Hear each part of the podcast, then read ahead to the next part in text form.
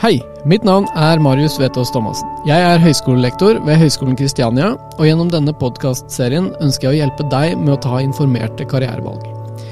Jeg har selv vært student over flere år, og kjenner godt til følelsen av å ikke ha nok informasjon om konkrete stillinger og hvordan en arbeidsdag kan se ut. Mange stillinger fantes ikke for bare 10-20 år siden, og her i Norge bruker vi mange stilige engelske stillingstitler som ikke alltid er så lette å forstå. Manglende kjennskap til arbeidslivet kan bety at man tar dårlige eller kortsiktige valg, at bedrifter ikke tiltrekker seg riktige profiler, og at organisasjoner må bruke mye tid og penger på onboarding og kompetanseheving. Jeg ønsker derfor å hjelpe studenter og andre med å ta informerte karrierevalg. Og det skal jeg gjøre ved å snakke med personer om deres konkrete stillinger og arbeidshverdag. I dag skal jeg snakke med Sara Kippernes. Eller er det Kippernes? Kippernes. Hun jobber som eh, ansvarlig for tjenestedesign i Aon Assessment Norge. Hei, Sara. Hallo. Hvordan går det? Det går bra. Det, jeg skulle til å si det er blitt en tidlig dag. Jeg begynte jo var her nede i byen halv åtte, og da kjenner jeg at kaffe var veldig godt akkurat nå. Ja, Mm. Og du jobber rett borti gata? Ja, rett ved Stortinget. Ja. Jeg har jo fantastisk utsikt, da. Vi skryter veldig av utsikta på kontoret. Ja. Du ser ned på liksom Stortinget til høyre, og så ser du Grand Hotell rett overfor uh, Eidsvoll plass, er det ikke det Mm. det heter? Og så er det Slottet oppe i Åsa. Så det er prima. God utsikt. Mm. Eh, men hva um, eh, Så stillingstittelen din og jobben din, hva, hva er det dette går ut på, da? Eh, jo, jeg fikk den jo faktisk så sent som 1. januar, så jeg har ikke rukket å være i den rollen så lenge. Og det kan godt hende at den kommer til å endre seg litt etter hvert. Men eh, ansvarlig for tjenestedesign eh, kom av at jeg kommer til å jobbe internt hos oss med prosessene våre ut mot kunder. Eh, hvordan er det vi møter dem, hva er det vi tilbyr dem av tjenester, hvordan tilbyr vi disse. Og også de prosessene som vi har hva skal jeg si, på baksiden av det her. Da. Hvordan er det vi jobber med å levere de tjenestene. Ja. Mm. Og eh, hva slags tjenester snakker vi om da, og hvilke kunder? Ja, Så Ain Assessment, eh, vi het tidligere Cute. Det er mange som kjenner oss som Cute. Cute, som i søtt? Ja, Men det Ja. skrives CUT-E, så mange som for det er sånn, Er det cutty? Er det cute? Er det hva, hva Cutie? Cutie, ja. Men det, det er cute. Det okay. var det det var. Jeg likte at det sto, Da jeg søkte jobb der, så sto det på LinkedIn 'uttales cute' som søt på Mm. engelsk. Yeah. Så jeg liker at de måtte presisere det. Um, men jo, vi er en testleverandør, først og fremst. Så vi leverer tester som man tar typisk i forbindelse med en rekrutteringsprosess. Evnetester, personlighetstester, um, men også en del andre ting. Så vi bistår uh, bedrifter med bruk av disse testene i sine prosesser. Men det kan også være med ansatte man allerede har. Så f.eks. hvis du har en uh, hva skal jeg si, utviklingssamtale eksempel, og tatt en motivasjonstest for å snakke om ja, hva drives du av, hva syns du er kult, så er det typisk vi som har vært med og bistått på hvordan kan man gjøre det på en god måte. ja. Mm. Uh, er det mye psykologi involvert i det? Absolutt. Ja. Vi er jo sånn at uh, jeg tror vi er ca. 24 ansatte, hvorav jeg tror 20 av de har psykologiutdanning. Ja. Så vi, vi liker å skryte på oss at vi er Norges største fagmiljø innen arbeidspsykologer.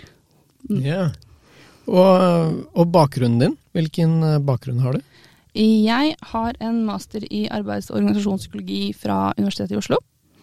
Mm. Ja. Og da har jeg også en bachelor i psykologi, da, for det er jo toårig master. Ja. Mm. ja. Så øh, Men spennende, da. Hva, hva brukes øh, Du sa disse testene brukes enten i forbindelse med rekruttering, eller hvis man har en utviklingssamtale. Hva, eh, hva er et typisk resultat som kommer ut av testen? Hvis vi tar f.eks. personlighetstester, da. Det er Ja. den som kanskje flest folk har kjennskap til. Er det litt sånn som Meyer-Briggs, eksempel? Ja, det er en type personlighetstest. Ja. Mm. Våre er lagd spesifikt for å kartlegge deg på jobb, på en måte. Det vi kaller yrkesrelatert atferd. Så det er ikke liksom hvordan er du på fritida når du er med samboer, f.eks., men hvordan er du når du er på jobb? Og jeg tror ganske mange kanskje kjenner seg igjen at man er litt annerledes på jobb. eh, Mange av oss i hvert fall. Um, så det det er at si f.eks. Um, jeg har tatt denne testen, og så har jeg svart på noen påstander om meg selv. Jeg liker å ta ledelsen i team. Uh, jeg liker å ha det ryddig på pulten min, f.eks. Yeah. Så ut fra det så kan man på en måte konkludere noen resultater om ok, hvordan er det sannsynlig er du er på jobb. Så for eksempel, eh, jeg scorer veldig høyt på struktur. Det merker alle kollegaene mine. Eh, og jeg er den da som sitter og liksom rydder i mapper og sånn på jobb, og, og, Yeah. og ser litt den atferden der, da. Yeah. Nå tror jeg jeg mister headsetet mitt litt. her. Yeah.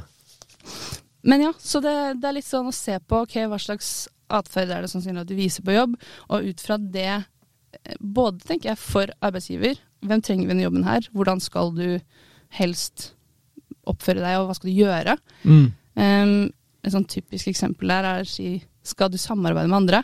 Yeah. Ikke sant? Det er litt viktig at det er kanskje en type atferd du ofte viser da. Yeah. Men det, og det er viktig liksom ikke at det er noe svart på hvitt. Jeg for eksempel scorer ikke så høyt på samarbeid, men jeg er ganske god på det. altså. Det er litt sånn, det, det er litt min preferanse. Jeg liker å jobbe for meg selv, men Ja. jeg kan likevel jobbe med andre og samarbeide. Men da gjør jeg det kanskje på en annen måte enn de som foretrekker å ha en sterk preferanse for å samarbeide med andre. Ja. Mm. Så uh, informasjonen som deres kunder, da, som er bedrifter, mm. uh, får ut av testene, blir brukt til å uh, på en måte planlegge organisasjon eller organisasjonsaktiviteter, da kanskje. Ja, det kan være. Typisk så er det jo sånn at man har en rekrutteringsprosess på gang. Mm.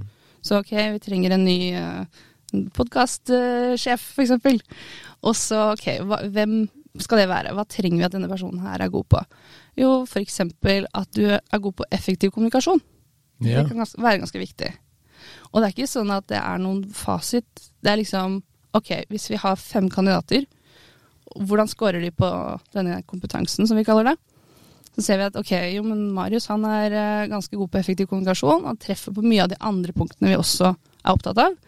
Da tror vi det er størst sannsynlig for at du vil lykkes og trives i denne jobben her, og velger Ja. deg. ja. Mm, Spennende. veldig. Interessant, fordi nå snakker vi jo også om rekruttering. Eh, selv om vi, vi skal jo snakke om din eh, stilling, Mm. men siden du på en måte jobber med en tjeneste som går inn mot rekruttering, så blir det to nivåer her. Mm. Eh, skal vi se, hvor skal, jeg, hvor skal jeg begynne med mitt hode? Jeg er også opptatt av struktur, skjønner du, så nå Mm. begynner hodet mitt å jobbe.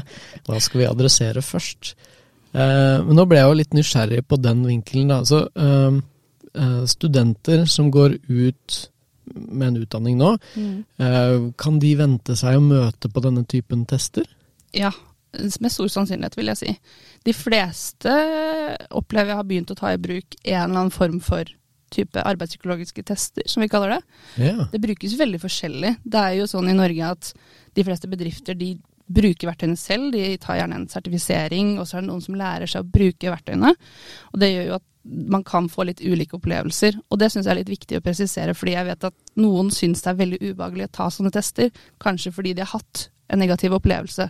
Men det er ikke gitt at neste blir det. Så liksom jeg tenker, møt alltid de med litt sånn nysgjerrighet og åpenhet. Og man har alltid lov til å si at man er uenig. Det tror jeg mange som ikke kjenner at de kan gjøre.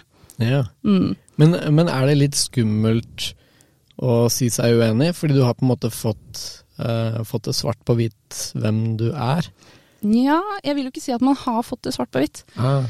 Fordi de fleste tester, sånn som personlighetstester, er jo egentlig en, en selvvurdering. Du har jo da i form av en test kartlagt at jeg er litt sånn, jeg velger disse påstandene, og så fått ut et resultat om deg selv. Og det er sånn du har vurdert deg selv. Men typisk så følger vi det opp med en sånn Ok, si at du har skåret veldig høy Eller si eh, lavt på nei, samarbeid, da. Du har skåret litt lavt på samarbeid. Er det noe du kjenner deg igjen i? Så kunne jeg f.eks. sagt ja. Jeg kjenner meg jo kanskje igjen fordi jeg foretrekker å jobbe alene, men her har du masse eksempler på når jeg har samarbeida med folk, og viser at ok, dette er min preferanse, men jeg kan fort gjøre det motsatte også, hvis situasjonen krever det. Ja. Mm. Ja. Så det, jeg tenker det er fint å si seg uenig også, for du kan si ok, er du uenig, ja, men kom med noen eksempler på hvorfor du er enig, tenker jeg. Ja, Det er litt det det går på, å eksemplifisere. ja Fra- ikke sant. F.eks. tidligere arbeidserfaring, eller for studenter så vet jeg ofte at det kan være litt vanskelig, for du har ikke nødvendigvis jobba så mye ennå. Og da tenker jeg, men du har lært masse gjennom studietiden også. Det, ok, jeg er ikke så glad i samarbeid, men vi har hatt noen prosjekter på skolen. Da har min rolle vært det og det, og jeg har tatt den rollen, f.eks. Så bruk det også. Det, det er kjempefint, det. Mm. Mm. Det høres veldig fint ut. Uh, og en uh, fin dialogstarter også, for så Mhm. vidt. Uh, vil du anbefale studenter å ta eh, personlighetstester uavhengig av en søknadsprosess, men bare for å få den innsikten, så de kan eh, ja, bruke det som en dialogstarter i en intervjuprosess? Absolutt. Altså jeg, det er jo mange som har lagd mer for privat bruk, som typisk er gratis på nett. Og, For eksempel. ja, og det Kan man stole på de? varierer. Eh, De fleste har jo en del hva skal jeg si, forskning bak seg, og som har typisk en sånn testdokumentasjon som de har gjort analyser av. Kan vi stole på resultatene og sånn? Men det blir litt teknisk, tenker jeg, for hvermannsen å, å lese seg gjennom. Ja. Vi står jo når vi skal ha liksom, opplæring med våre deltakere, så er vi sånn Ja, her har dere den. Og jeg tror det er ingen som rører den egentlig. Ja. Men, eh, men den finnes der. Sånn så, som hos oss er vi ganske opptatt av at det er godt grunnlag. Og så vet jeg at eh, det er noen som har litt svakere grunnlag, og så er det noen som har mye bedre. Så Mm. Big Five er jo ganske anerkjent som et ganske godt verktøy. Men det er jo ulike tester som måler de fem faktorene også. Så man må se litt på den testen, da, hvilken man tar. Ja. Mm. Jeg har tatt uh, tre, blir det vel, tre sånne tester selv, i uh, både regi av bedrifter jeg har jobbet for, uh, utdanningsinstitusjoner jeg har vært, eh, vært i, og, og en frivillig organisasjon. Og Det var tre ulike tester, men jeg fikk jo det svart på hvitt hver gang at eh, ekstremt opptatt av struktur. Men da er du kanskje litt sånn konsistent i måten du svarer på, da. At du Ja. er liksom ikke så usikker på, men du kjenner det på deg selv ganske tydelig. Ja. Det er litt verre hvis du f.eks.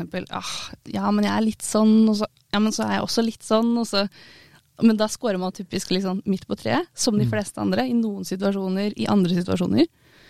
Der er jo sånn, For de som er kjent med litt sånn statistikk da, og normalfordeling, så ser jo vi også i testresultatene våre at de aller fleste ligger et sted på midten. Det er, det er ikke sånn at man er veldig den ene eller veldig den andre. Sånn som det at jeg scorer høyt på struktur, og kanskje du også, det er litt mer unntak enn normalen. Ja. Mm. Em, disse testene ser jo også på introversjon og ekstroversjon. Var det riktig uttalelse? Er, det, er det ekstraversjon?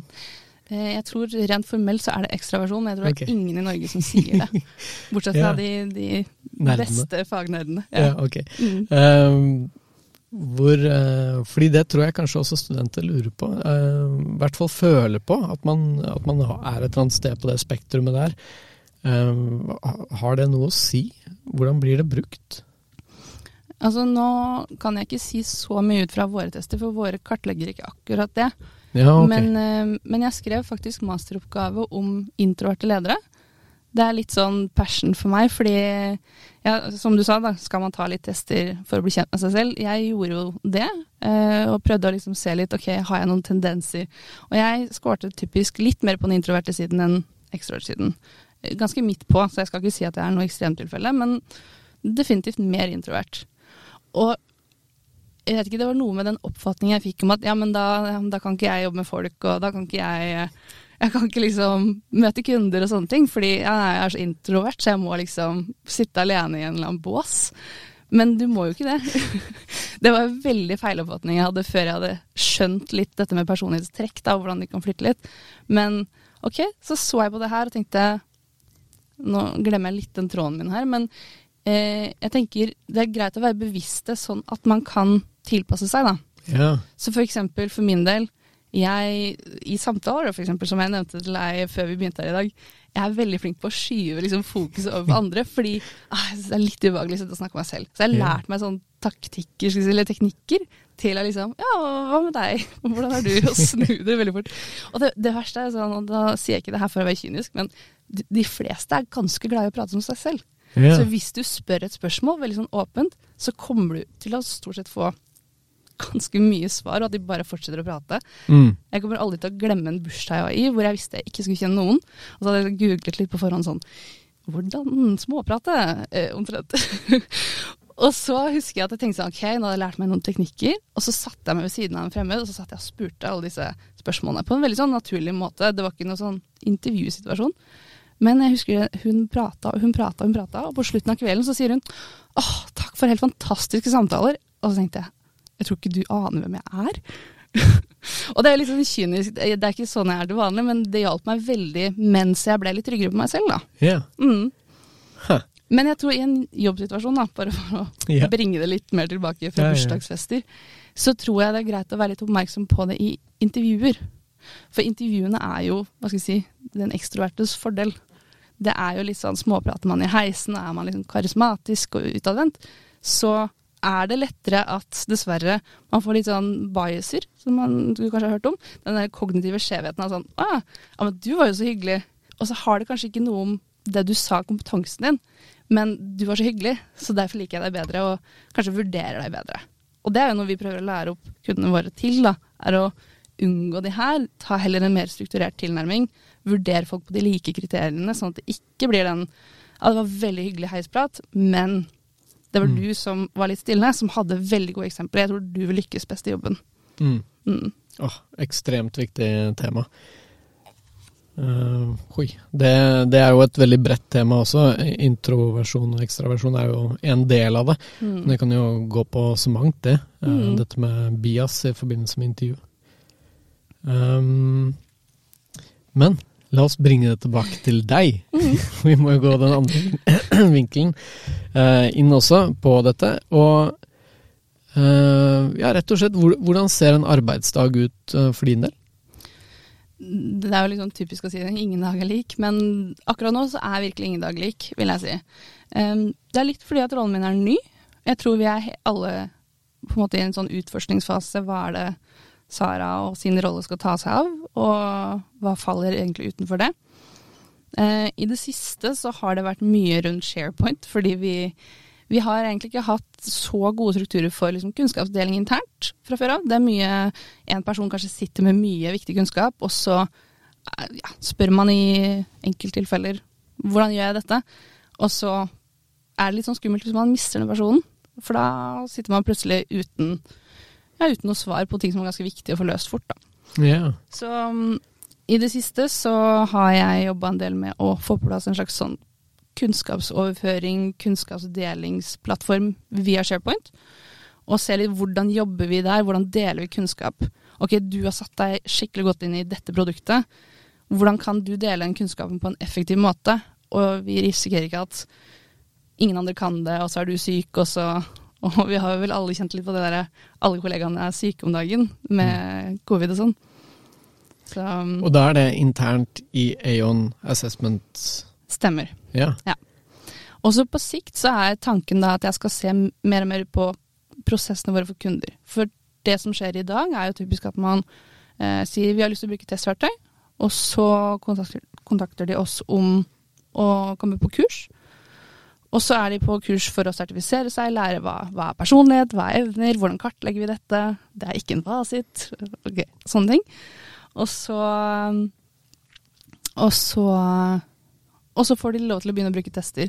Og så får de jo noe type oppfølging, men det er mer sporadisk. Og, og så er spørsmålet sånn, er det bra nok?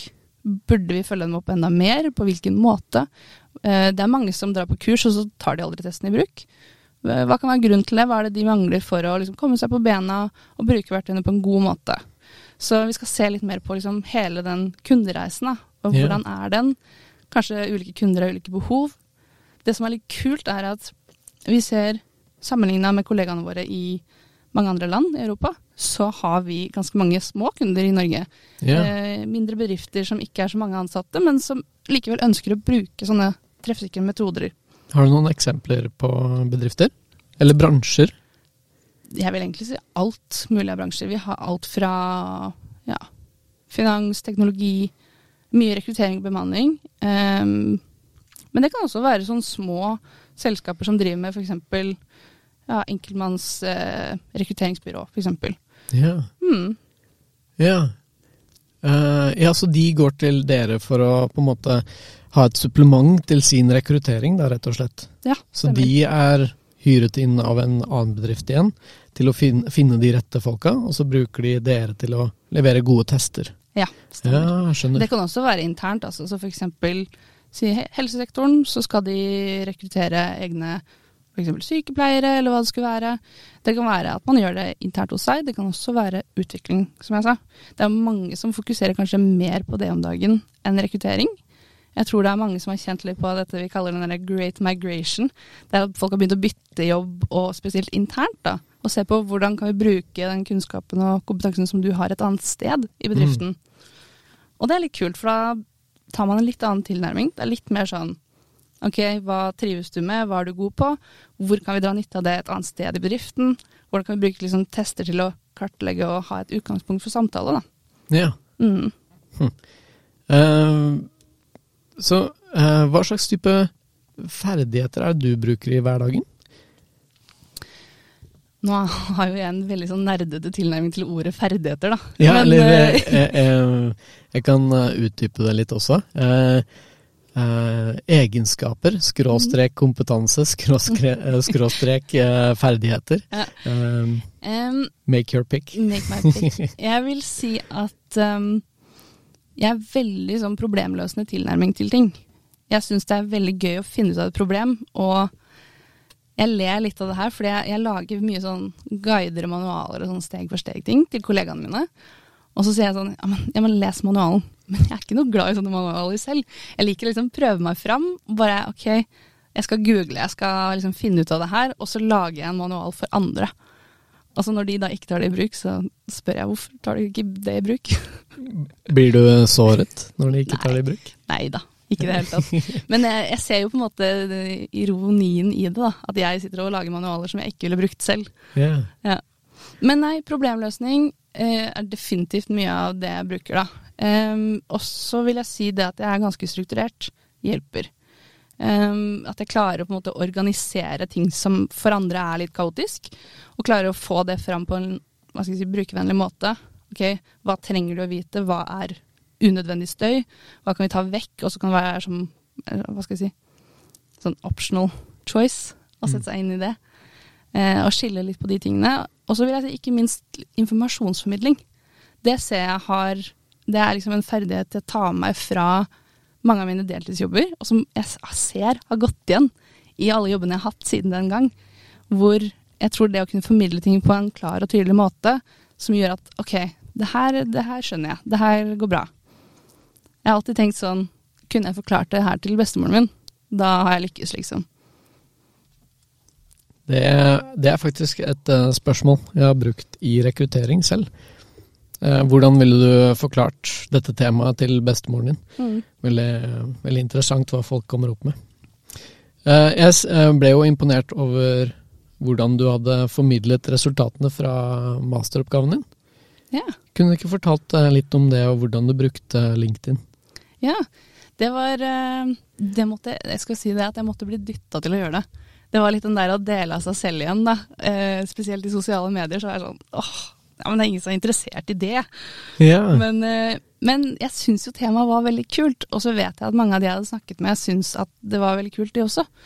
Så jeg tenkte ok, hvordan kan jeg formidle dette på en god måte, som er sånn kort, fordi masteroppgaven min var jo jeg vet ikke, 90 sider eller noe. Helt vanvittig hva en akademisk oppgave er. Og jeg skjønner at det er ingen som har lyst til å lese alt det.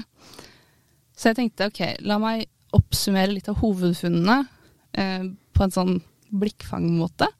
Så det jeg gjorde, var at jeg, jeg brukte noe som heter canva.com, som er sånn ja, hva skal jeg si, gratis redigeringsverktøy for design Ja, hva skal jeg si Et redigeringsverktøy da, for å lage illustrasjoner og sånne ting. Og så må jeg tenke et øyeblikk her. Jo, jeg brukte canva.com, og så oppsummerte jeg de hovedtemaene som jeg har i masteroppgaven litt av utfordringen der var at de var ganske lange, så jeg måtte gjøre det litt sånn kortere. Eh, litt mer enkelt å bare lese kjapt. Og så hadde jeg sett tidligere på LinkedIn at det var mange som hadde fått en sånn type swipeable post. Så måtte jeg gjøre liksom hvordan, hvordan gjør jeg det. For da ja, måtte man lage et dokument, da. Hvis det er noen som vil ha det hacket, så ja. må man lage et dokument. Så eh, jeg kan jo si til de som hører på, at det er bare å søke etter eh, profilen din på LinkedIn, eh, Sara Kippernes, og så vil man se under 'featured' at du har postet ulike eh, sånne tema Mm. som du snakker om nå. Da. Og et eksempel er hvordan oppleves det å være en introvert leder? Og så har du um, dette som du refererer til, som du har laget eh, ved hjelp av Canva, stemmer det? Mm, stemmer. Eh, en slags liten slide deck, på en måte. En liten presentasjon eh, med ganske godt oppsummert, eh, oppsummert faktisk, godt oppsummert eh, hvordan en leder kan tenke rundt, rundt dette, og hvilke teknikker og strategier de kan bruke. Mm. Veldig, veldig kult. Det var veldig gøy. Det eneste som var litt synd, det var jo at oppgaven min var kvalitativ. Så jeg vil si at jeg hadde med masse utdrag fra intervjuene, og jeg syns altså, det var vanskelig å velge blant de en gang. For det var så mye refleksjoner som jeg for min del kjente meg veldig igjen i. Og som jeg hørte andre og bare sånn Ja, åh, den, eh, den personen der har forklart det perfekt. Akkurat sånn jeg kjenner meg selv.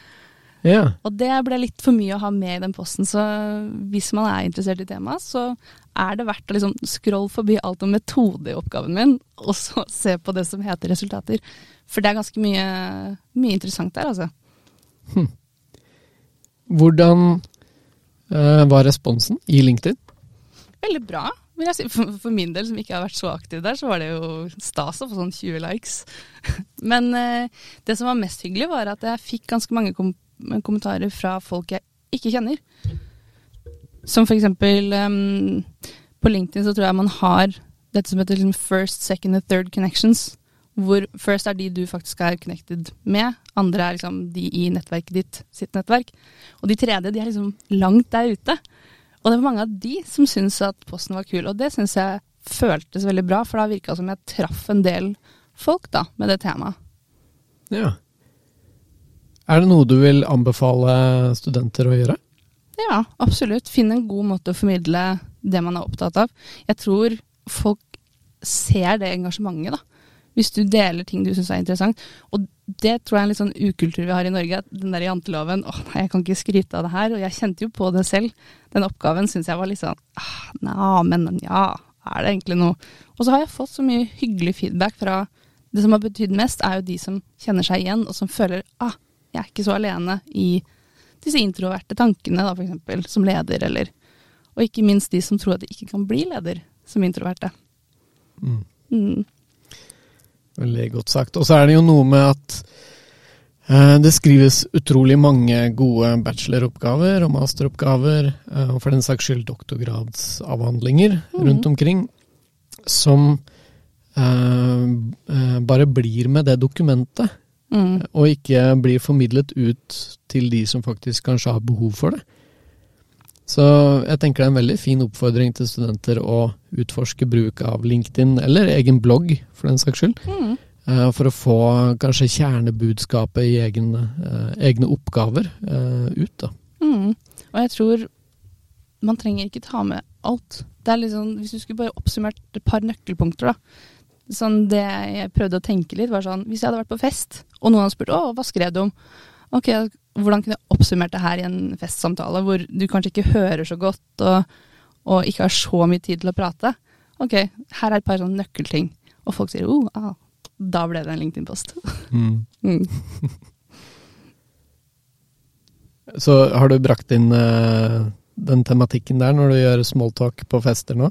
Ja, ja, ja. Ja. Ja, det syns jeg er litt sånn gøy. Men spesielt fordi Altså, nå skal jeg ikke late som jeg er veldig god på å kartlegge introversjon, men du ser det litt også på hvem som er litt mer introverte på en fest, da. Hvis de først er der. Så, men det er litt sånn gøy, for da kan jeg liksom snakke med dem og løfte litt tematikken, og da ser du at det blir en litt annen gnist. Sånn, ok, det som var litt sånn tørr smalltalk for dem, plutselig så er de sånn Oi, det her var interessant. Fortell litt mer om, om dette, og det betyr noe for dem, da. Ja. Mm.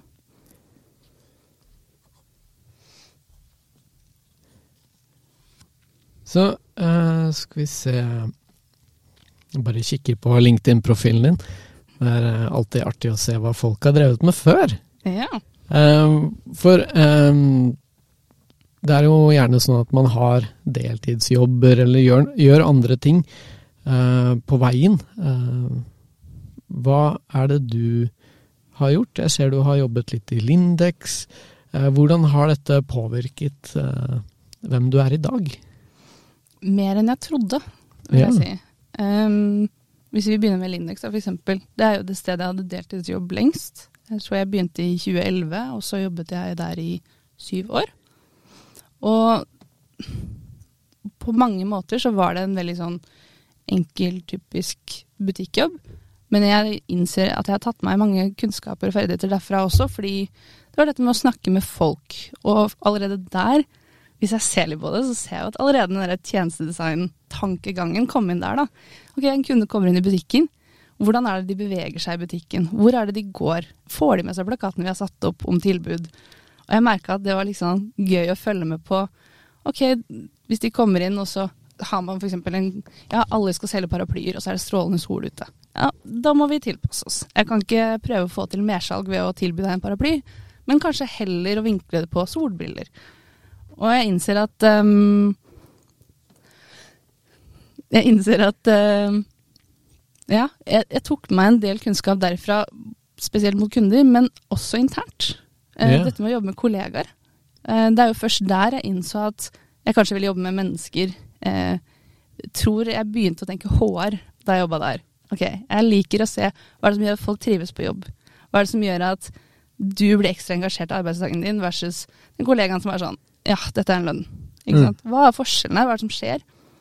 ja, fordi du tok også på deg um, ekstra ansvar i form av verneombud og tillitsvalgt og Stemmer. Ja. ja. Kom det, det ut ifra den interessen? Mm. Og så tror jeg det kom litt ut av at jeg hadde vært der litt, så man blir litt den der tillitspersonen som folk kommer til.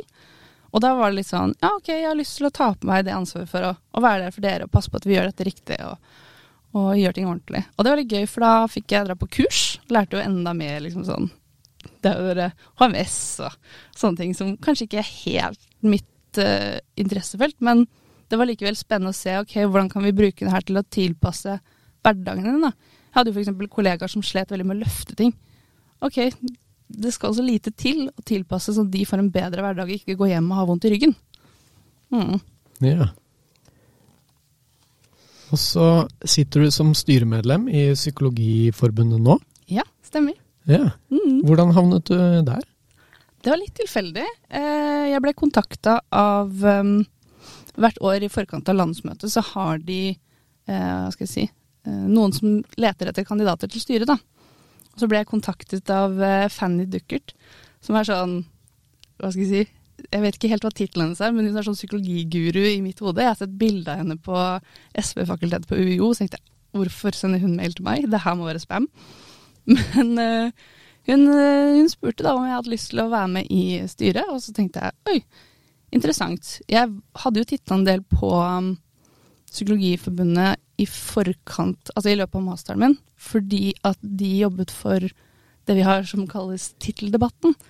Og det er jo sånn at i Norge så må man være utdannet eh, profesjonsutdanning for å kalle seg psykolog. Og så er det noen av oss med master som synes at det ikke er helt greit, da. Så jeg vet at i løpet av den debatten der, så var Psykologiforbundet på med at de som har master, også burde få den tittelen. Så da syns jeg at det var veldig interessant å se, og kult, og ikke minst, å se at de kjempet for uh, den utdanningen som jeg hadde, da. Ja. Veldig spennende. Og så uh, vet jeg at du har tatt et friår, som ja. du kalte det selv. Ja. Hva, uh, hva brukte du det til? Det var i det friåret så jobba jeg på Lindex i den perioden. Ja. Da hadde jeg jobbet deltid fram til da, et par dager i uka. Og så det var jo sånn at jeg hadde studert to ulike studier først, ikke helt funnet ut av hva jeg ville gjøre. Og så tenkte jeg ok, nå må jeg bare bruke litt tid på meg og finne ut av det her, i stedet for å samle opp mer studiegjeld. Så det var da jeg begynte å jobbe Jeg tror jeg jobbet 80% på Linux. Og det ble liksom en litt annen opplevelse enn å jobbe en kveld i uka. Da var jeg der nesten hver dag. Jeg var mye tettere på kollegaene mine og så ikke bare de som jobber kveldsvakter, men også de som jobber på dagtid. De som åpner sjappa. Liksom, hvordan er det de opplever ting? Men i løpet av det året da, som jeg, jeg jobbet i Linux, så syns jeg jo Det var da jeg også var verneombud, blant annet. Og dette var veldig gøy. Så fikk jeg også mulighet til å jobbe eh, ved et par anledninger på HR-kontoret der. Og det også syns jeg var veldig, veldig spennende. Så tenkte jeg ok, jeg har lyst til å jobbe med folk. Eh, jeg har lyst til å kanskje jobbe med noen form for HR. Det var det jeg liksom tenkte på det tidspunktet. Og så titta jeg på hva slags utdanning finnes da. Eh, og det skal det har jo kommet ganske mye mer, vil jeg si, av HR-rettede utdanninger siden den gang. Så jeg, jeg, tror utvalget mitt var ikke kjempestort, men jeg landa i hvert fall på at uh, en master i arbeids- og organisasjonspsykologi, det virka veldig kult. Og så likte jeg også at jeg har alltid hatt sånn, den derre hverdagslige interessen i populærpsykologi. Så det var sånn ok, dette er sykt spennende. Her kan jeg lære både om folk på jobb, men også sånn om folk generelt. Så da, i løpet av det friåret så fikk jeg liksom lært litt mer hva jeg liker og hva jeg ikke nødvendigvis liker så godt.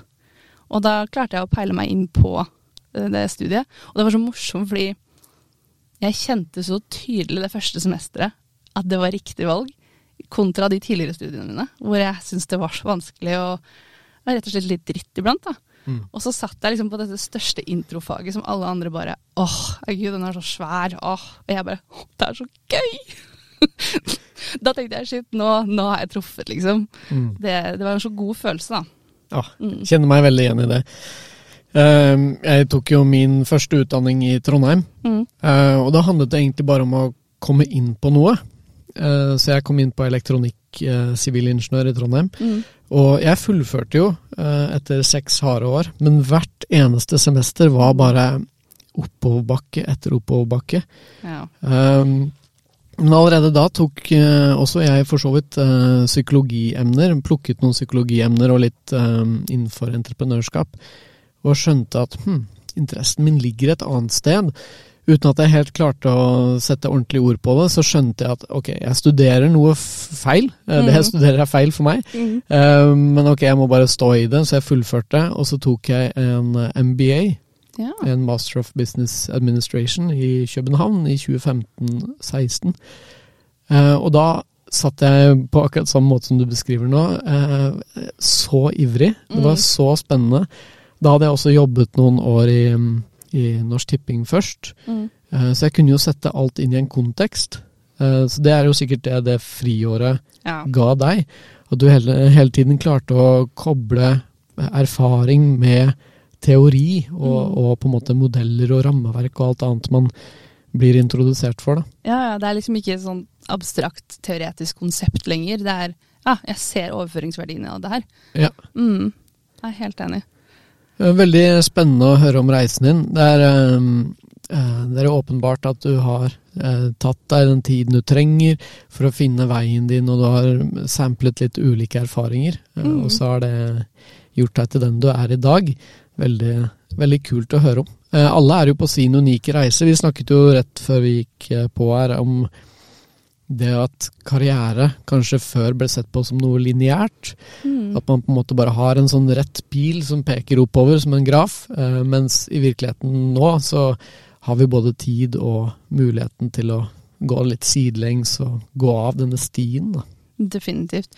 Og der er vi jo veldig heldige her i Norge at vi kan ja, med litt studiegjeld kanskje, ta noen omveier, da.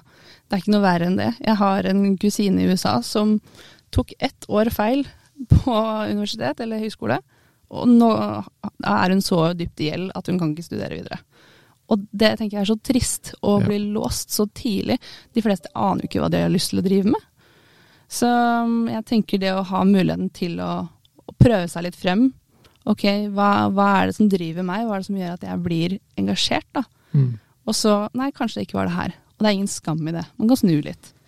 Jeg husker på studiet på psykologi bachelor, så husker jeg at det var så Det her er jo ikke helt studie, men det er jo litt den der interessebaserte tematikken. Så var det så mange på kullet mitt som elsket å være med i foreninger. Og jeg var sånn Å ja, foreningsliv, det er liksom livet på UiO. Da, da har du det kjempebra i studiehverdagen. Men det var aldri helt min greie. Så jeg, jeg var med i et par foreninger, og så var det helt greit. Men det ble aldri sånn åh, det her koser jeg meg skikkelig med. Og da tenkte jeg da er det noe feil med meg, ikke sant. Fordi alle andre liker det, så hvorfor liker ikke jeg det så godt? Men eh, jeg prøvde jo litt andre ting i stedet. Jeg var jo bl.a. Eh, studentfrivillig for HR Norge. Så når de holdt konferanser og sånn, så ble jeg med og Kanskje det ikke var noe mer enn at jeg åpnet dører og passa på at de lukka seg forsiktig mens det var foredrag. Men det var så gøy å være med og liksom se hva som rørte seg, og, og det ga meg den følelsen som jeg på en måte søkte i foreningene, da. Og da tenkte jeg sånn, ok, det var så verdt det. Dette var med meg enn foreninger. Og det er ingen skam i det. Mm. Mm. Det kan dere ta som en oppfordring. Uh, søk ut sånne type muligheter. Definitivt. Veldig fint å ha deg på besøk. Vi må rett og slett uh, wrappe up, som man sier på nynorsk. Hvilke råd har du til dagens studenter? Det er sånn veldig åpent, generelt spørsmål, men har du sånn hvilke, hvilke, tre, eller for å formulere det litt annerledes, hvilke tre ting ville du fortalt deg selv som student? Uh, eller som ung igjen, da, på en måte. Mm. Ikke det at du er ung nå, da, men det ble veldig rotete spørsmål. Det går fint. Ja, du skjønte poenget mitt. Ja, jeg skjønte poenget. Eh, tre ting. Jeg vil si um, Finn det som altså, du syns er gøy.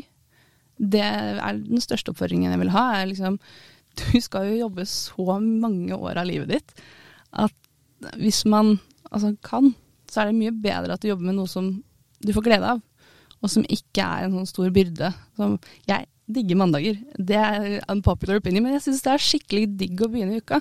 Og det kan jeg si fordi jeg liker det jeg jobber med. Så det er veldig gøy. Eh, så finn det som driver deg, og du syns er gøy. Eh, I forbindelse med det så vil jeg altså si ting nummer to. Prøv deg fram. Eh, ikke vær redd for å teste ut nye ting.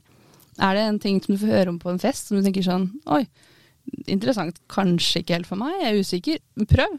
Prøv eller en gang for mye enn en gang for lite. Eh, og kanskje sist, men ikke minst, så går jeg ikke så langt unna temaene her, men prøv det som er ukomfortabelt, altså. Så utrolig mange av mine største wins, på en måte, vil jeg si, i livet, er ting som jeg tenkte Oh hell no. det har jeg ikke lyst til å gjøre. Men så gjorde jeg det likevel, og jeg var gørenervøs, og så gikk det så bra, og jeg fikk så mye ut av det. Både liksom i meg selv og f.eks. karrieremessig, da. Så mm. jeg har hørt en sånn quote at livet begynner utenfor komfortsonen, og den, den, lever jeg litt på, da. Den syns jeg er litt fin. Veldig fint. Mm. Eh, nå ble jeg veldig nysgjerrig da, på, på noen av de eh, eh, Har du noen eksempler? Åh, oh, det burde jeg jo ha når jeg tar det opp. Yeah. Men eh, Nei, for eksempel altså, i den jobben jeg har hatt nå, da, så holder jeg kurs. Og det å stå foran 25 HR-folk som jeg sånn, har idolisert mens jeg drev og søkte på jobber på studietida. Og tenker sånn åh, det her er så skummelt, det er så skummelt. Men å stå foran dem og snakke, fortelle og lære dem andre ting, det var veldig skummelt i begynnelsen, og det er så gøy nå. Ja. Det har virkelig gitt meg en mye. Ja, det kan jeg signere på. Mm. Jeg kan jo gi et uh, litt mer corny eksempel på, okay. som jeg umiddelbart begynte å tenke på når du sa det rådet. Uh, jeg uh, møtte en gang opp Jeg trodde jeg skulle på en konsert. Mm. og så kom jeg inn i lokalene, i et ganske sånn formelt bygg i København. Og så ser jeg eh, alle står i ring. Det står en stor gruppe mennesker i ring. Jeg forventet jo seter og at man skulle liksom se opp på en scene. Eh, men så innså jeg ganske fort at det her er jo et, eh, det er jo et kurs. Ja. Det er ikke noe konsert eller noe jeg skal se på. Det er et kurs i valts. Så jeg hadde jo møtt opp i fine klær mm. og var klar for å sitte ned og slappe av. Eh, men i stedet så tilbrakte jeg to timer eh, med å lære valts. Hvordan, hvordan kom man i den situasjonen der? Eh, det lurer jeg på. men fordi det jeg tror du kanskje treffer litt der, er hvilken holdning er det man har til, til ting som dukker opp i horisonten sin. Mm. Hvilke muligheter som dukker opp. Det å si Eh, ja. Mm. Det å hoppe i det. Eh, være litt ukomfortabel. Jeg har jo ikke rytmesans eller noe som helst. Mm. Eh, men heldigvis, valts er jo det enkleste du kan gjøre. Mm. Det er jo så enkelt. kan jeg si nå, da. Etter ja. to timers kurs.